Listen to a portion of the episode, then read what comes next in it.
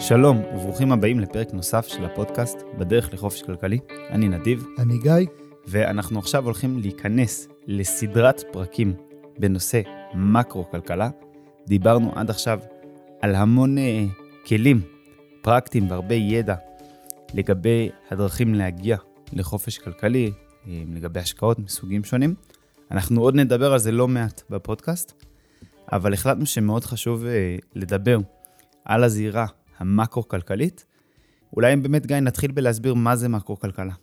מקרו-כלכלה זה בעצם uh, חלק מתוך uh, עולם הידע הכלכלי, שמסתכל על הקשר בין אנשים, uh, בין חברות, בין מדינות, בעצם עוזר לנו להבין איך הכלכלה עובדת, לא מנקודת המבט האינדיבידואלית, אלא מנקודת המבט הכללית של, של מגמות.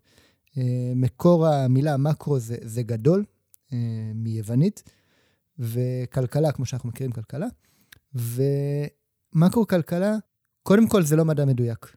יש הרבה תיאוריות לאיך הכלכלה עובדת, הרבה תיאוריות גם שסותרות אחת את השנייה. המציאות היא הרבה יותר מורכבת משכל תיאוריה אחת תדע להסביר, ואנחנו ננסה בסדרה הזאת שאנחנו נכנסים אליה עכשיו, קצת לסקור את התיאוריות השונות, לדבר על אלמנטים שונים שמשפיעים על הכלכלה, ודרך זה לנסות להבין יותר טוב איך העולם הכלכלי פועל, וגם מה אנחנו יכולים ללמוד מזה להתנהלות שלנו.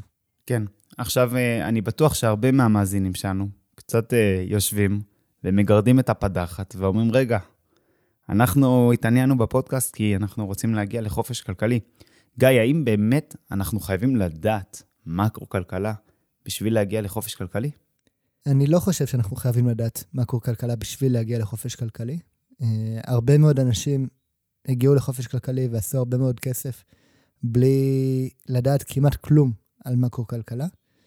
אני כן חושב שזה כלי שהוא מאוד שימושי כדי לנתח את ההשקעות שאנחנו עושים, uh, כדי לגדר את הסיכונים שאנחנו לוקחים, כדי להבין מה יכול להשתבש בתוכנית ההשקעה שלי.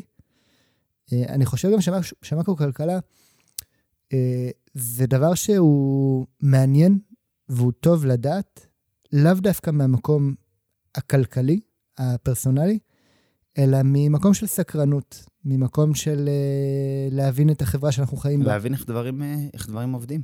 כן. אני כן חושב שבנושא של איך מקרו-כלכלה מקדמת אותנו לחופש כלכלי, אני כן חושב ש... הבנה במקרו יכולה למנוע מאיתנו לעשות הרבה מאוד טעויות כלכליות. אני חושב שצריך לשים לב, אנחנו משתמשים בתיאוריות, במחשבות שלנו על, ה, על המצב הכלכלי העולמי בתוך אסטרטגיית השקעה, אנחנו משתמשים בה כל הזמן, אבל היא לא הבסיס היחיד. אנחנו נחפש השקעות שהן השקעות טובות, והן משתלבות יחד עם תרחישי מקרו שנראים לנו סבירים שיקרו. יש הרבה אנשים שמשקיעים אך ורק על פי תחזיות מקרו, גם אתה, גיא, וגם אני, אה, מאוד, חושבים שזה מאוד מסוכן. כי אנחנו יודעים שאנחנו מאוד מאוד עלולים לטעות. הכלכלה היא לא מדע מדויק. כמו שהתחלת להגיד מקודם, יש הרבה אלמנטים פסיכולוגיים, אנושיים, אה, הרבה דברים בלתי צפויים, הרבה מאוד שחקנים, מדינות, אינטרסים שונים. לנסות, זה קצת להיות uh, מגדת עתידות, לשחק במקרו-כלכלה, לכן זה גם מאוד מאוד כיף, אבל uh, גם אם נחמד ללכת למגדת עתידות, לא, אנחנו לא נפעל uh, אחד לאחד לפי מה שהיא אומרת לנו. כן. עכשיו, במשבר הקורונה שראינו במרץ 2020, הבורסה התחילה לקרוס, ומשקיע שלא מבין במקרו-כלכלה, הוא יכול להגיד, כן, יש עכשיו בעיה בעולם, ועסקים ייפגעו, ולכן הבורסה קורסת. ואז הבנק המרכזי בא והודיע על אה, חבילת סיוע, וכפועל יוצא מהחבילה שלו, ממש באותו היום, הבורסה התחילה לזנק חזרה, ממש הפכה כיוון והתחילה לזנק חזרה, כי הבנק הודיע שהוא, שהוא הולך אה, ליישם איזושהי חבילת סיוע כלכלית.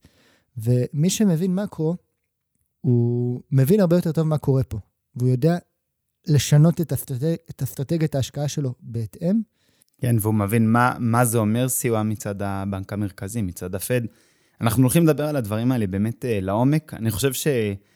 אני אגיד בצניעות שאנחנו אנחנו לומדים את הנושא הזה הרבה. הוא מאוד מאוד מעניין אותנו כבר הרבה מאוד חודשים וגם שנים, ויש לנו גם uh, זווית מחשבה, אני חושב טיפה אחרת מ... בוא נגיד, מהמיינסטרים ששומעים בעולם הכלכלה. אני כן אגיד עוד משהו שבעיניי הוא, הוא מאוד משמעותי.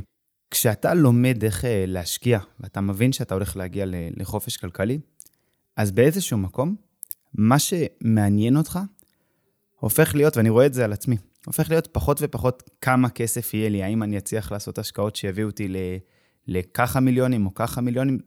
הרבה יותר מעניין אותי מה מצבם של האנשים בחברה, של אנשים אחרים בתוך הכלכלה. הסתכלות על מקרו-כלכלה, בשונה מהסתכלות על השקעות, שזה פחות או יותר מה שעשינו עד עכשיו, זה לא לשאול איך אני יכול להרוויח מהסיטואציות ומהאפשרויות, ההזדמנויות שאני רואה סביבי, זה איך אנשים אחרים יכולים לחיות חיים יותר טובים, וזה פוקוס שלדעתי אפשר באמת להגיע אליו, רק ממקום שיש לך איזשהו חופש כלכלי. אז אה, זה, לכן זה באמת לקח גם לנו זמן עד ש, שהנושאים האלה הפכו להיות הנושאים הכי משמעותיים והכי רלוונטיים אה, בעינינו. אז גיא, על מה אנחנו הולכים לדבר בפועל? אנחנו הולכים אה, לגעת הרבה במשברים הכלכליים הגדולים ש, שחווינו לאורך ההיסטוריה. אה, לכל משבר יש סיפור קצת שונה, והם כולם קשורים מאוד למקרו-כלכלה. אנחנו הולכים לדבר על פסיכולוגיה של המונים, ואיך היא שונה מפסיכולוגיה של בן אדם יחיד בהשקעות. אנחנו הולכים לדבר על uh, קפיטליזם בתור מערכת, עם היתרונות והחסרונות שלו. אנחנו נדבר על, uh, אנחנו נדבר על איך בנקים עובדים, על איך בנקים מרכזיים עובדים, על מה זה כסף, על איך כסף עובד. נדבר על עתיד הכסף, על הביטקוין, על מטבעות דיגיטליים של בנקים מרכזיים. Uh, יש הרבה, יש הרבה דברים שאנחנו נדבר עליהם. מדובר בנושאים מרתקים, ואנחנו מאוד מקווים שאתם תהנו אה, מהצלילה יחד שנעשה בתוך עולם המקרו-כלכלה. טוב, תודה שהאזנתם לפרק נוסף של הפודקאסט בדרך לחופש כלכלי. אתם מוזמנים לעקוב אחרינו בדף הפייסבוק, לשאול שאלות, להעיר הערות.